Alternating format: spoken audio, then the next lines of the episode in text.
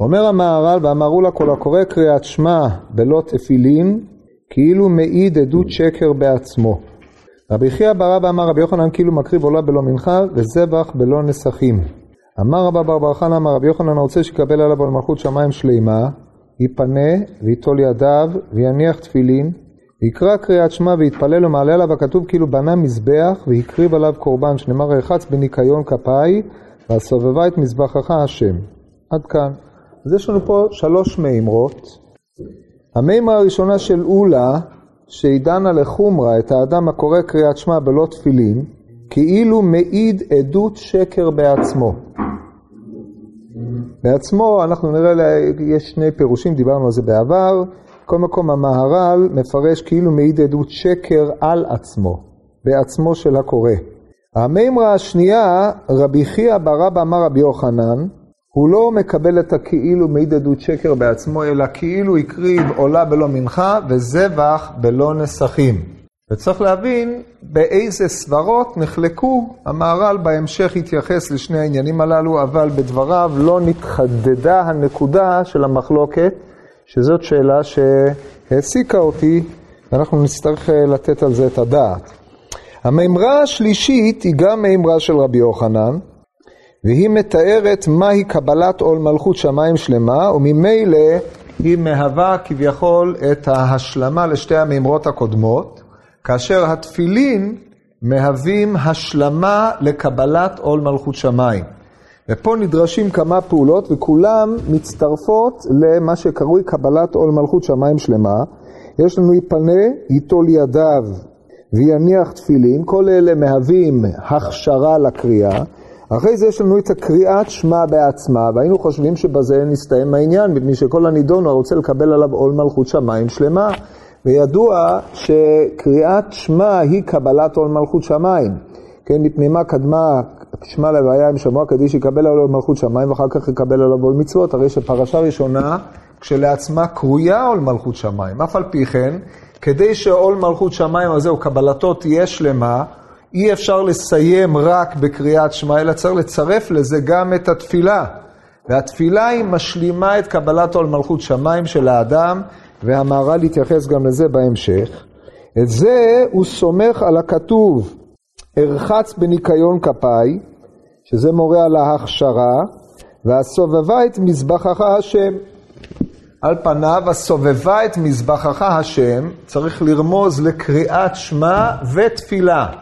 התפילין כמובן לא נכנסים בתוך הפסוק הזה, כי הם לא בכלל ארחץ בניקיון כפיי, והם גם לא בכלל והסובבה את מזבחך השם, שזו פעולה ממוקדת על המזבח, כמו שהוא רמז קודם, עולה בלא מנחה וזבח בלא נסכים, לכן חייבים לומר שסיבוב המזבח בשלימותו הוא קריאת שמע בתפילין, כדי, כמו שהוא אמר קודם לכן, עולה בלא מנחה וזבח בלא נסכים, זה כאשר אין שם תפילין.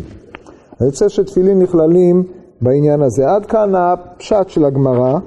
עכשיו נראה מה המהר"ל מפרש בדברים האלה. הדברים האלו צריכים פירוש, והרבה פירושים נאמרו בזה. ראינו בעיקר מה שאמר, כאילו מעיד עדות שקר בעצמו. כמו שאמרתי, הפירושים מתחלק, מתחלקים לשתיים. העצמו של מי, האם זה כינוי כלפי מעלה או כינוי כלפי אדם. נתתי לכם דוגמאות לשימוש במונח עצמן באופנים מעניינים. אין עדים זממים, אין העדים נעשים זממים עד שיזימו את עצמן. מי יש שם, שוב, עצמן, האם חוזר על העדים יזימו את עצמם, או האחרים יזימו את עצמן של עדים, זה מחלוקת רבי גאון ורבינו חננאל. ויש לנו עוד דוגמאות על שימוש בעצמו שהוא חוזר על הנושא, ועצמו שהוא לא חוזר על הנושא. בכל מקרה, המהר"ל ודאי מפרש שהוא מעיד עדות שקר בעצמו של הקורא, דהיינו הקורא בקריאתו מעיד עדות שקר, כיצד? אומר המהר"ל, אבל ביאור דבר זה, כי מי שקורא קריאת שמע, ראוי שיהיו התפילין עליו. כי על ידי התפילין שם השם נקרא עליו. דכתיב וראו כל עמי הארץ כי שם השם נקרא עליך, ויראו ממך, ואמר רב אליעזר הגדול, אלו תפילין שבראש. זאת אומרת, כשהכתוב אומר, וראו כל עמי הארץ כי שם השם נקרא עליך, במה שם השם נקרא עליו? אז לפי פשוטם של מקראות, כתוב והלכת בדרכיו, בסוף הפסוק הקודם, ואז כתוב, וראו כל עמי הארץ כי שם השם נקרא עליך. הרמב"ם מפרש את הפסוקים האלה, זה על פי הפרשנות של רבי אברהם בן הרמב"ם, מצוות הלכתה בדרכיו. מהו רחום, אף אתה יהיה רחום, מהו חנון, אף אתה יהיה חנון. אם כן, אם אתה הולך בדרכיו של מקום, שם השם נקרא עליך, מפני שהדרך שאתה מהלך היא דרך השם, ככה הרמב"ם בהלכות דעות בתחילתו, פרק א', הלכות ה' ו'. זה נקרא דרך השם. אז ראו כי שם השם נקרא עליך בעצם הניהוג שלך, ויראו ממך. הפרשנות האחרת שהגמרא נותנת פה, בפירושו של רבי אליעזר הגדול, דהיינו רבי אליעזר בן אורקנוס, ראו, ראו כל עמי הארץ כי שם השם נקרא עליך. למה שם השם נקרא עליך? כביכול, אתה עבדא דמלכא קדישא. במה? מפני שאתה מוכתר בכתרו של המלך. ואלה התפילין, כמו שאמרנו בשיעור הקודם, כתוב, ויתנצלו את אדיה מהר חורב, והתרגומיון המיוחס ליונתן, שזה תרגום ירושלמי, מדבר על התפילין שם. זה אדיאם, זה העדי. או כמו שאומרת הגמרא, מסכת שבת בפ"ח, שעם ישראל נכתרו בשני כתרים בנעשה ונשמע, מפרשים מסוימים מייחסים אותם לתפילין. בין אם זה התפילין שלנו היום ובין אם לא, זה לא משנה. הרעיון של התפילין, התפילין הם מעין כתר לאדם המרומם אותו. ידוע, מה שאומרת הגמרא, שאסור להרהר הרהורים אחרים להסיח דעתו מן התפילין, קל וחומר מציץ. ומה הציץ? שיש שם רק שם אחד, אסור לו להסיח דעתו, שנאמר, והיה על מצחו תמיד. אין הכוונה בתמיד, אלא שמודעותו להיותו על מצחו יהיה מודעות מתמדת. תפילין שיש בהם 21 אזכרות על אחת כמה וכמה. התפילין הם נקודת ההתקשרות בין האדם לבין בוראו. השפע האלוקי השופע על האדם, הוא השכל, הוא מה שאומר הרמב"ם, הדיבוק בינינו, בינו, מה שכתוב במורה על הפסוק, כי עמך מקור חיים, באורך נראה אור, שזה השפע. הוא בעצם נעשה בדיבוק הזה של התפילין. התפילין הללו הם נקודת החיבור. לכן כאשר אדם מוכתר בתפילין, וככה הביטוי בחז"ל, מוכתר בתפילין, אז יש לו כתר על ראשו, וזה שם השם עליו. אומר הרמב"ם בהלכות, בהלכות אה, תפילין בפרק אה, ד' הלכה כ"ה דומני, שבזמן שתפילין בראשו ובזרועו וציצית בבגדו, אז האדם ענב ושפל רוח ויש לו את כל המעלות הטובות מפני שהוא ממש, השכינה ניצבת עליו. כמובן מדובר באדם שמכיר את מעלת התפילין ויש לו יראת שמיים ויש לו הכרה בטבען של המצוות. אשר על כן, זה מה שרבי אליעזר הגדול פירש, וראו כל עמי הארץ, כי שם השם נקרא לך ויראו ממך. אומרת הגמרא, אביי חזי לרבי ירמי אדאב אבדך טובה. אומר לו, מה? מה אתה צוחק? אומר לו, אנא תפילין מנחנה. ככה אומרת הגמרא. זה לא שאני צחוקים ובדיחות. אני מניח תפילין, אין לי הסחת דעת. זה שאני נראה שמח וטוב לב, אבל זה פשט טוב, אז הוא נהיה מבסוט. אבל אין, אנא תפילין מנחנה, אדם שתפילין מונחות בראשו, זה לא איזה, עוד איזה ריטואל, חלק מהריטואל והפולחן היומי שהוא צריך לעשות כדי להעביר אותו, והוא שם את התפילין וחולץ אותם וזהו. התפילין זה מעלה יתרה. עד כדי כך הגיעו הדברים, אמרנו את זה בשיעור הקודם, על בסיס גמרא, שבת מ"ט, מופיע פעמיים מסכת שבת בקמ"א דומני, מספרת הגמרא את הסיפור המפורסם שהמנוחה יוכבד סגל הביאה בספרה על אלישע בעל כנפיים. אתם מכירים את הסיפור? אומרת הגמרא שאין להניח תפילין אלא מי שיש לו גוף נקי כאלישע בעל כנפיים. הגאונים פירשו את הדבר הזה במשמעה שדעתו צלולה, דעתו נקייה, אין לו הרהורים, מחשבות אחרות והסחת דעת. ובשל הדבר הזה נמנעו דורות להניח תפילין. הגמרא בקל"א, לא בקמ"א, הגמרא בשבת קל"א אומרת, כל מצווה שעם ישראל מסרו נפשם עליה נתקיימה בידם, ואיזה זה? מצוות המילה. ושלא מסרו נפשם עליה לא נתקיימה בידם, ואיזה זה? זו מצוות תפילין. ואכן דורות לא הניחו תפילין, בתקופת הגאונים זה לא היה מצוי, עד שבא הסמ"ג, שזה שמה, זה טקסט מפורש, בא הסמ"ג וצעק על הדבר הזה. הוא אומר, איך יכול להיות שיש מצווה יקרה כזאת שהיא מעלה יתרה על האדם, ועם ישראל מתרשלים בה, ואז לאט לאט חזר העניין לתפילין, יש לנו תשובות גאונים בעניין הזה. ודנו בזה האחרונים, זה בכו וזה בכו. מכל מקום, חזר העניין לתפילין, אבל הוא חזר בצורה מצומצמת. כמו שאתם יודעים, היום רוב האנשים מניחים תפילין רק בשעת אה, תפילת שחרית, ויש כאלה בתפילת מנחה. התחילו בארץ ישראל להניח את זה יותר, רק הפרושים היו בחוץ לארץ לומדים עם תפילין כל היום, וזה לא היה מצוי. מי שהיה עושה את זה היו תולים בו יוהרה ועוד אי אילו עניינים. אבל מכל מקום, המצווה הזאת היא מצווה יקרה מאוד, והבעיה הגדולה היא הסחת דעת. פתרו את זה רבותינו הראשונים ואומרים גוף נקי, דהיינו שהגוף פיזית יהיה נקי, שיהיה לו מעיים נקיות וגופו יהיה פנוי, ייפנה בקיצור. ובאשר למחשבות לא יסיח דעתו, הכוונה שידע, הוא שהמגן אברהם אמר, הסחת דעת היא הדבר המינימלי, דהיינו שתדע שהתפילין נמצאות עליך ולא להתעלם מזה לחלוטין, אבל לא צריך את ה... הוא לא נדרש במעלה יתרה כמו מעלתו של אלישע בעל כנפיים. אז זה לגבי משמעם של התפילין לפי שעה. אם כן, כשנחזור לדברי, לדברי רבי אליעזר הגדול, וראו כל עמי הארץ כי שם השם נקרא עליך ויראו ממך אלו תפילין שבראש שבתפילין שלנו מופיע, מופיעים ארבע פרשיות שעיקרם ייחוד שמו הגדול. ולכן כאשר אדם בפרשת שמע ויין שמו מופיעים בתפילין, התפילין הללו, ההלבשה שלהם היא מעמידה את האדם כביכול תחת מלכות, מלכות שמיים. אומר המהר"ל דבר זה ברור כי כאשר תפילין אל האדם נקרא כי השם יתברך הוא מלך שלו. לפיכך קיימה לעניין אדם מניח תפילין לעבדו יוצא העבד לחירות, כי כאשר תפילין עליו, הנה שם השם נקרא עליו, והשם יתברך הוא מלכו ואדונו, ואיך יהיה בשר ואדם אדון שלו. זאת אומרת, אדם המניח תפילין לעבדו, מוותר על אדנותו הוא, ומעמיד אדון אחר לעבדו. לגילוי דעת.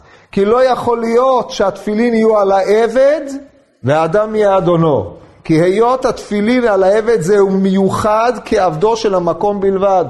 כמו שכתוב כי לי בני ישראל עבדים ולא עבדים לעבדים. ועל כן המניח תפילין לעבדו יוצא לחירות מפני שהוא נעשה בזה עבדו של מקום. אז זה ביטוי לזה שהוא מקבל את מלכותו של השם יתברך ולא אדנות אדונו. חוזר המהר"ל לדברי ולפיכך אמר כל הקורא קריאת שמע מקבל עליו עול מלכות. והרי אין תפילין עליו שיהיה שם השם נקרא עליו שהוא מלכות שמיים שלמה כמו שאמר אחר כך. וכך אמר כי הוא מעיד עדות שקר בעצמו. כי קריאת שמע הוא עדות שישראל מעידים כי השם יתברך אחד, כמו שהתבהר למעלה. וכאשר אין תפילין עליו הוא עדות שקר. כי היה מלכות שמיים עליו, היה עליו תפילין שבהם שם השם, והוא מלכות שמיים שלמה. אז עכשיו הוא מסביר את מימרתו של אולה, ופה צריך לשים לב היטב להסבר הזה, כי אנחנו כמובן, כשנעבור לדברי רבי יוחנן, נצטרך לשאול במה חלוק רבי יוחנן על אולה, שהוא ניסח את העניין באופן אחר. וככה צריך תמיד לפרש את דברי החכמים, אם זה אומר בכו וזה אומר בכו, והם מדברים על אותו נושא, אז צריך, כמו שהגמרא תמיד שואלת מהי בעיניי, ובדברי אגדה, אנחנו גם צריכים לשאול מה נקודות ההבדל בין הבחינה שהוא מייצג לבחינה שהוא מייצג. אומרת, אז אומר המהר"ל, ושימו לב טוב, נקודת המוצא שלו. כאשר תפילין עליו שם השם נקרא עליו, השם מלכותו ואדונו, זה אמרנו, ועכשיו כל הקורא קריאת שמע הוא מקבל עליו עול מלכות. זאת אומרת, קריאת שמע היא ביטוי לזה שהוא מצהיר שהוא מקבל עליו עול מלכות. ככה הוא פותח. אדם שמקבל עליו עול מלכות, אמ, והרי אין תפילין עליו שיהיה הש... שם השם נקרא עליו שהוא מלכות של המים שלמה. זאת אומרת, אדם מצהיר אני מקבל עליי עול מלכות, ובידו להניח את התפילין על ראשו כדי שהשם השם נקרא עליו והוא לא עושה כן.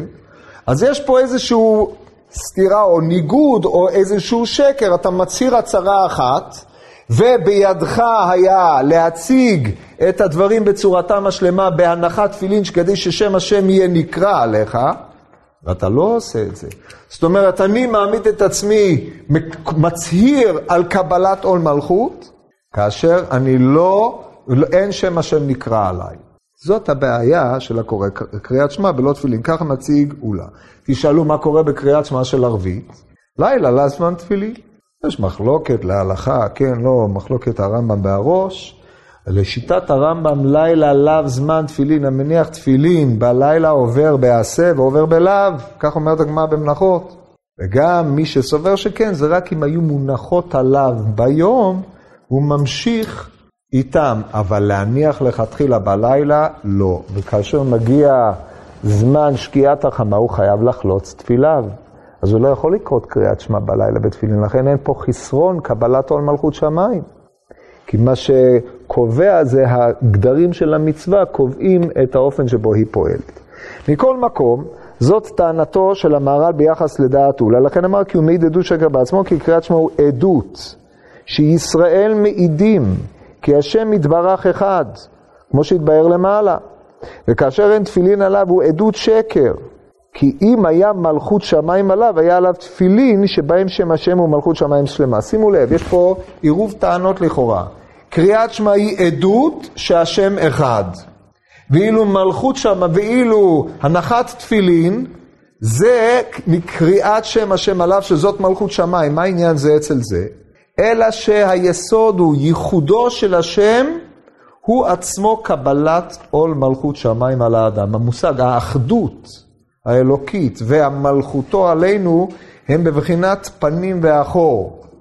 אני לא יכול להיכנס להסביר את המושג הזה לכל אורכו, אבל בקצרה, אם אין עוד מלבדו ואין עוד מצוי אמת כמותו, והוא יחיד והוא אחד, הרי שאנחנו משועבדים לו, כי הוא המהווה, מחיה ומקיים אותנו להיותנו, להיותנו לו, זה המשמעות.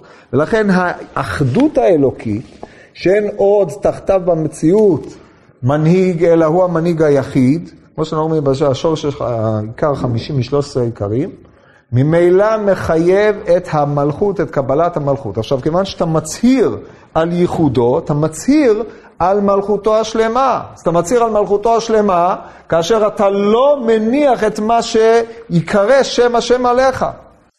זה תמצית שיטתו של אולה. עכשיו בואו נראה מה הוא אומר ברבי יוחנן. רבי יוחנן סביר עלי שלא עשה המצווה כתקנה. זה הרבה פחות חמור.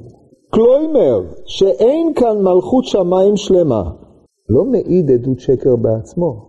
במה נחלקו? אז נראה מה הוא מסביר ברבי יוחנן. כי מלכות שמיים שלמה, כמו שאמר אחר כך, הוא על ידי תפילין. לפיכך אמר כאילו הקריב עולה בלא מנחה, זבח בלא נסכים, שחסר השייך אל המצווה, וכך חסר דבר השייך אל מלכות שמיים. אבל מלכות שמיים שלמה ייפנה ויטול ידיו וכולי, ואז הוא מסביר את זה. מה נקודת הוויכוח? הוא טוען שהוא לא קיבל מלכות עול מלכות שמיים, או לא עשה מצווה בשלמותה, דהיינו לא קיבל עול מלכות שמיים בשלמותו, והוא טוען העיד עדות שקר בעצמו, ומדובר על אותו, אותה פעולה ממש. מה נקודת הוויכוח? אתם רואים שהמהר"ל מקצר פה מאוד, לא מסביר, הרבה פעמים הוא מסביר במה נחלקו, פה הוא קיצר ואנחנו חייבים להסיק את זה. עכשיו, אילו אני הייתי נדרש להסביר את מה אני אישית חושב, אז זה היה דבר אחד, אבל כיוון שזה לא העניין, ואנחנו חייבים לשאול מה המהר"ל חושב, אין לנו אלא לעיין בטקסט ולהפיק מתוכו בדקדוק הלשון וההיגיון, שזה מה שחשוב לי שתלמדו, כדי שאני לא אצטרך לתת לכם שיעורים ותוכלו לקרוא לבד. אין דבר יותר טוב מזה שאדם יכול לעשות את הדברים לבדו, כן? זה נאמר, כי בתורת השם חפצו ובתורתו יהגה. אומרת הגמור במסכת עבודה זרה, מה רב המקרא נקראת תורת השם, ובסוף נקראת תורה, כיוון שיהגה בה נקראת תורה, תורה דילי, וזה הדבר הכי טוב. כל המטרה שלי פה זה רק למד את אומנות הקריאה, ותו לא. עכשיו שימו לב, זה ככה צריך להיות, ואדם צריך לשאוף לזה שהוא יכול ללמוד לבד. הדבר הכי חשוב, בכל דבר, ודאי ובוודאי בלימוד העיון, שאוף להבין לבד, זאת אומרת, תמיד אתה צריך להתייעץ ברבנים ובחכמים וכן הלאה וכיוצא בזה, כי מה אנחנו כולנו, כלום, אצבע בקירה. אבל, בכל מקרה, אדם צריך באיזשהו מקום להגיע לעצמאות. אז אתם רק בתחילת הדרך, אבל זאת צריכה להיות המגמה. לא להיות תלויים, אחרת כשתהיו בעלי בתים, תלמדו גמרא עם שוטנשטיין. כן, כמו שקורה, אחרי עשר שנים בישיבה, המסוגלות היחידה היא ללמוד גמרא עם שוטנשטיין ולקרוא את עלוני הפרשת שבוע כדי להגיד דבר תורה, ואו רמב"נים מהביאורים שלמטה, שנראים כמו קהתי, זה מה שקורה. וזה עצוב, כן? אתם יכולים להסתכל בבעלי בתים, תראו, למדו כמה וכמה שנים בישיבה, ואפילו עשו מבחני רבנות, ואפילו לקרוא את המשנה ברורה עם הביאור ההלכה הם מתקשים. לכן זה לא המצב הטוב. טוב, לגופו של עניין, אומר המהר"ל, עכשיו תשימו לב טוב, כשהוא דיבר על אולה, הוא דיבר על קריאת שמע כעדות שאנחנו מעידים על ייחודו. כשהוא דיבר על רבי יוחנן, הוא דיבר על קיומה של מצוות קריאת שמע. יש פה שתי בחינות שונות, מה אנחנו עושים? האם אני דן על העדות שבקריאה או על המצווה שבקריאה? אם אני דן על העדות שבקריאה, אז העדות היא איננה עדות שהיא איננה עדות שלמה, היא עדות שקר. או עדות שהמעיד מתכוון להעיד בה ולומר, השם אחד.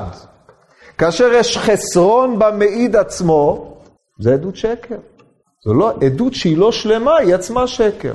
שקר זה חוסר שלמות של האמת. לעומת זאת, כשאנחנו דנים על מצוות קריאת שמע, יש לי מצווה, והמצווה היא לקבל עול מלכות שמיים, שימו לב, לא להעיד, לקבל עליי עול מלכות שמיים, אז בעצם קיומה של המצווה, אני מקבל עליי עול מלכות שמיים. אלא מאי? שאני יכול לקבל עול מלכות שמיים או לקיים את המצווה כתקנה, ואז קבלת עול מלכות שמיים, שהיא בעצם המבוקש של המצווה, תהיה שלמה, או שאני יכול לקיים את המצווה בצורתה המינימליסטית, ואז המצווה לא תהיה שלמה. הרי לכם שתי בחינות חלוקות על אותו עניין. והדברים מפורשים לידע במהר"ל, רק כתובים במילים קצרות. שימו לב, כשהוא מדבר על אולה, הוא אומר כך, כי קריאת שמע הוא עדות שישראל מעידים, כי השם יתברך אחד, ישראל, כן?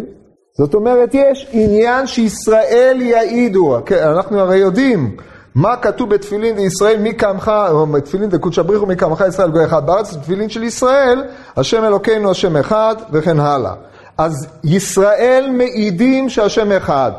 והואיל והוא מצטרף לעדות של ישראל, הוא לא נכנס פה לעניין של המצווה, אלא לחובת העדות המוטלת על העם באשר הוא עם. הוא בתור פרט מן העם מעיד שהשם יתברך אחד, והוא כביכול מייצג את ישראל בעדותו. וכשהוא מייצג את ישראל בעדותו, הוא מחסר בעדותו. לעומת זאת, רבי יוחנן דן על חובת גברא לקבל עליו בתורת פרט את מלכותו יתברך, ובתורת גברא זה חיוב מצווה עליו, לכן אומר המהר"ל ברבי יוחנן, סביר עלי שלא עשה מצווה כתקנה. מושג העדות לא קיים פה בכלל. הדיון הוא על הפרט. יפה, אז בזה נתיישב הנקודה הזאת. עכשיו נראה מהי עול מלכות שמיים שלמה. אומר המהר"ל, כי כאשר יפנה, הרי הוא מסלק דבר מיאוס ומגונה, דבר המרחק מלכות שמיים. לפיכך הנפנה הוא התחלת קבלת מלכות. יש פה השקפה מאוד מעניינת, וזה מצוי הרבה במהר"ל, אבל בכלל אנחנו צריכים לדעת שצריכה להיות איזושהי התאמה בין הנפש, הרוח של האדם לבין הגוף שלו. אמנם, כמו שאומרת הגמרא המפורש, הסיפור המפורסם על הלל, שהלך לרחוץ, עושה מצווה, כן? הסיפור המפורסם, שכדרך שאדם צריך להעמיד את אה, אה, נפשו נקייה, הוא צריך גם את גופו נקי.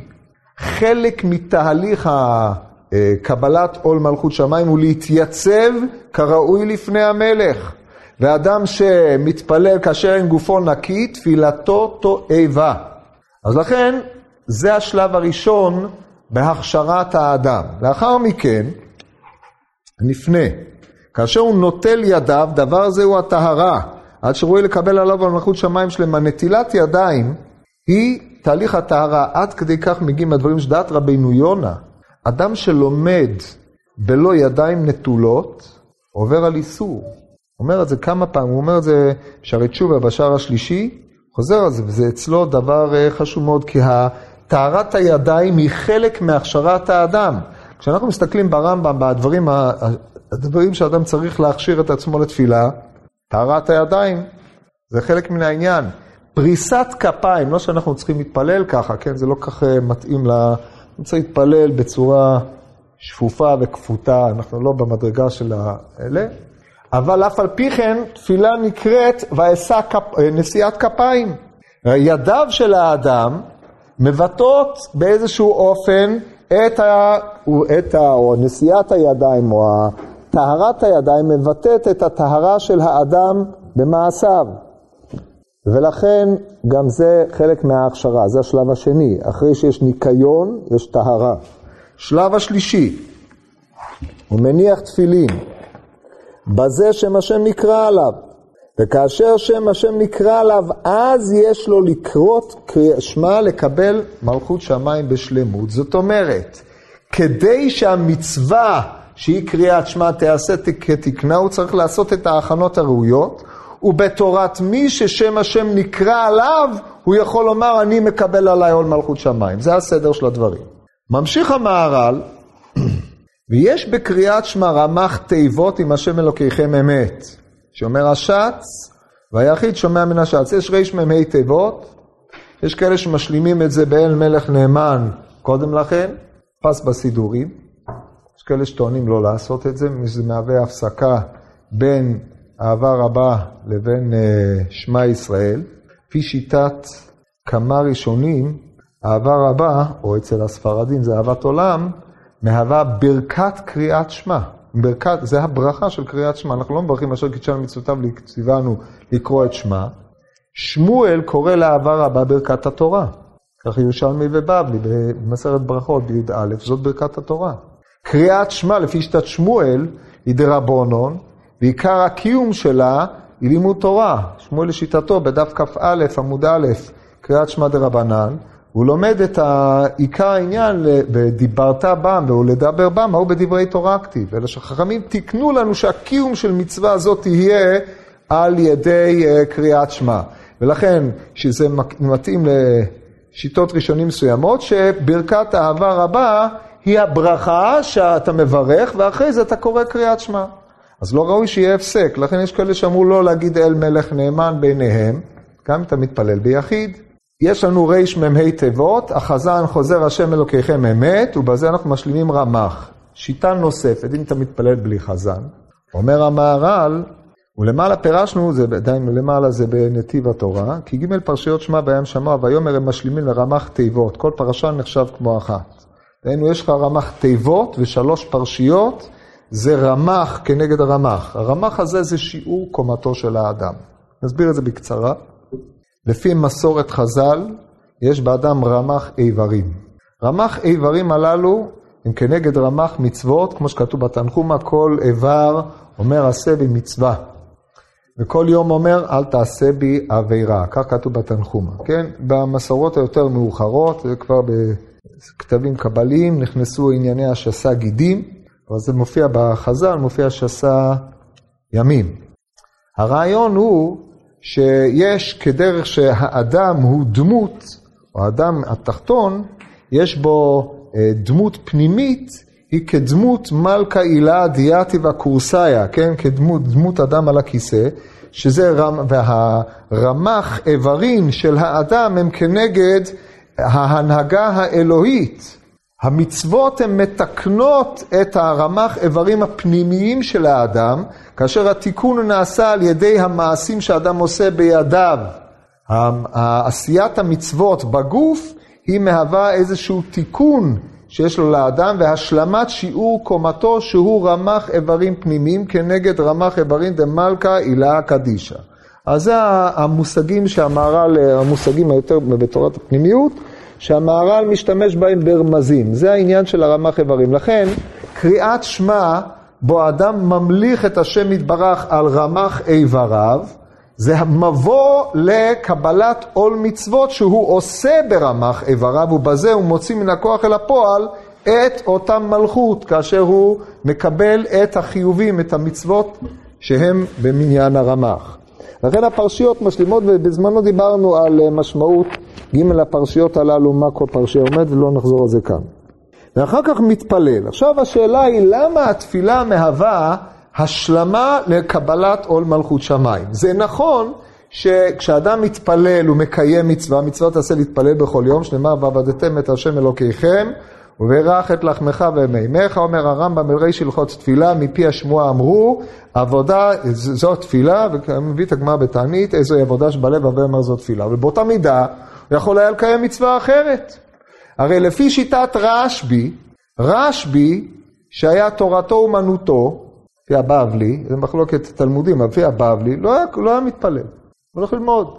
אבל אנחנו, שעושים דברים אחרים, הולכים לארוחת בוקר, איזה שומעים חדשות, או לא, הולכים לזה, הולכים פה, שם, ברור שאנחנו חייבים בזה, אבל רשב"י לא, איש תורתו אומנותו. בירושלמי הוא גם פטר את עצמו מקריאת שמע, סובר קריאת שמע דרבנן, זה שינון, זה שינון. אבל אם זה ככה, אז באותה מידה יכולת ללכת לעשות מצווה אחרת. מה תפילה דווקא היא המצווה שמהווה קבלת עול מלכות שמיים, שמה כל מצווה שתעשה, אחרי שקיבלת עול מלכות שמיים ועול מצוות לכאורה, צריכה להיות השלמה למלכות שמיים, כי אתה מוציא מן הכוח אל הפועל את הקבלה שלך. אומר המהר"ל זה תפילה דווקא, הוא הולך עכשיו לשיטתו במה שהוא כותב בתחילת הנתיב. כי בקריאת שמע, וההפרש, הוא אומר ככה, סליחה, ואחר כך מתפלל, מתפלל, כי התפילה גם כן קבלת אלוקותו כאשר מתפלל אליו. יש שתי בחינות של קבלת עול מלכות שמיים. הבחינה של הקריאת שמע שבו, והבחינה של התפילה שבו. כיצד? כי, והפרש יש בין קריאת שמע ובין תפילה, כי בקריאת שמע הוא מקבל גזירות מצוותיו, וזה בקריאת שמע, והתפילה היא שאדם נתלה בו יתברך כאשר מתפלל אליו, וזה בוודאי מלכות שמיים שלמה, כי המלך, שלימותו כאשר העם תלויים בו, וצריכים אליו, ואם לא מצד השם יתברך שהוא נותן לו, אין האדם כלום. מפני כך, מפני כי גם התפילה, זהו, טוב, טוב, מפני נמשיך. אומר פה יסוד מדהים, ממש מדהים. יש חילוק בין קריאת שמע ותפילה, מה שורש החילוק? קריאת שמע, אומר המהר"ל, הוא מקבל את גזירותיו. המלך גוזר גזירות, ואתה מקבל את הגזירות, אתה מקבל עליך את העבדות לקיים את מצוותיו. גזירותיו, כמו שאומרת הגמרא, שעושה מידותיו של הקדוש ברוך הוא רחמים ואינם אלא גזירות. כך לשון הגמורי בברכות במגילה ידוע, האומר עד כאן ציבורו יגיעו רחמך. גזירות, המלך גוזר גזרה ואתה מקיימה. אז קריאת שמה, קריאת שמה, קבלת עול מלכות שמיים ועול מצוות, זה קבלת גזרותיו בתור עבד. תפילה זה דבר מדהים, אומר חידוש ענק. מה הוא אומר? אין מלך בלא עם. יוצא שהעם מעמיד את המלך כמלך. אומר המהר"ל דבר מדהים, התפילה היא שאדם נתלה בו יתברך כאשר מתפלל אליו ובזה בוודאי מלכות שמיים שלמה כי המלך שלימותו של המלך שהעם נתלה בו. המהר"ל בתחילת הנתיב העמיד יסוד במהות התפילה. התפילה, כמו שאומרת הגמורי, אמר רב, אומרת הגמורי, מים מה ורב אמר מה וזה אדם. אמר שומר, מביא את הפסוק בישעיהו, אמר שומר אתה בוא גם לילה אם תבעיון בעיון. תבעיו בעיון, שובו אתיו, בעיון זה תבקשו, בקשה. האדם תלוי ונצרך.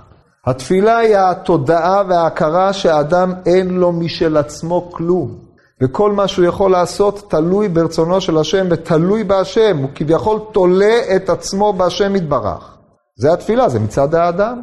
זאת הבקשה. תפילה במהותה היא בקשה. יש לה שבח ויש בה הודיה, אבל החפצה של התפילה היא בקשה. אבל, אומר המהר"ל, איך זה קשור למלכות שמיים? זה שאתה מבקש, הקדוש ברוך הוא יסייע בידך, ייתן לך דעת, ייתן לך פרנסה, יסייע בידך לעשות תשובה, יבנה ירושלים וכיוצא בדברים האלה. איך זה משלים את המלכות שמיים? הוא אומר, זה משלים את המלכות של המים, כי זה הופך להיות שלמותו של המלך. זה, זה היפוך. קריאת שמע זה קבלת המלכות מצידי. תפילה זה השלמת המלך מצידו. אלמלא מקרא כתוב, לא היינו מעיזים לאומרו. אבל כביכול הקדוש ברוך הוא תולה את שלמות מלכותו בישראל.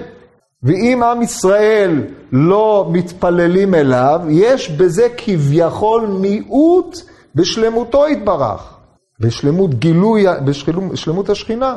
והרי באמת זה כך, מפני שרק על ידי עם ישראל נתגלה שם השם בעולם, הרי עד שלא היה, אומרת הגמרא, אומר, עד שמה שקרה זה כתוב שעם ישראל ירדו למצרים ובאו המכות, אז הדבר ראשון, כי לי הארץ, או כן, כי, לי, כי, אני, כי אני השם, אני השם בקרב הארץ, ואין כמוני בכל הארץ, זה רק על ידי המכות. שם השם כאילו נעלם עד שעם ישראל לא נכח במצרים, והשם פעל עבורו להוציאו ממצרים, זה מה שגילה את שמו בעולם. אברהם אבינו, הוא גילה את שמו בעולם. הקדוש ברוך הוא קבע בהנהגה, בהנהגתו, בבריאה, שעל ידי האדם יתגלה שמו באדם, האדם זה אדם מישראל. ולכן התפילה המבטאת את תלותנו העיקרית, תלותנו הטוטלית למעשה, בהשם יתברך, היא עצמה השלמה אל היותו מלך. לכן זה קשור בבחינה של קבלת עול מלכות שמיים. זה דבר מדהים. אז זה מה שאומר פה, כי המלך שלמותו כאשר רעם כלואים בו וצריכים אליו, ואם לא מצד השם יתברך שהוא נותן לו, אין האדם כלום. ומפני כי גם התפילה הוא שייך אל קבלת מלכות שמיים, לכך צריך שיהיו גם כן התפילין עליו בשעת תפילה, הקדימוך בגמורה, אבל במנחה אין קריאת שמע, ולכן אין צריך בתפילת מנחה תפילין. ואז הוא אומר, אבל מלשון שנקרא תפילין, היה נראה שראוי שיהיו תפילין עליו בשעת התפילה אף במנחה, כי נקרא תפילין מלשון תפילה. כי התפילה הוא על צורכו וחיותו. בתפילין אמרו, כל המניח תפילין מאריך ימים, שנאמר השם עליהם יחיו. פה הוא הולך, אה, נגיד בקצרה, כי נצטרך לסיים. אומר דבר כזה, כיוון שתפילין מקושרות במהותן לקריאת שמע, ותפילה משלימה את קריאת שמע בקבלת מלכות, הוא צריך גם תפילין בתפילה. אבל מנחה, שאין שם קריאת שמע, אז גם תפילין לא נדרשות, כי בעיקרן הם קבלת עול מלכות שמיים מצד האדם. אומר המהר"ל, אבל באמת, גם מצד המהות של התפילה, ראוי שיהיו עליו תפילין. כי בתפילה ישנם שתי פונקציות. הפונקציה של מילוי צרכיו של האדם, הצרכים הרוחניים, והדבקות בהשם יתברך. וזה עניינם של התפילין, הם חיבור ודבקות בהשם יתברך, וזה נראה בעזרת השם בשבוע הבא.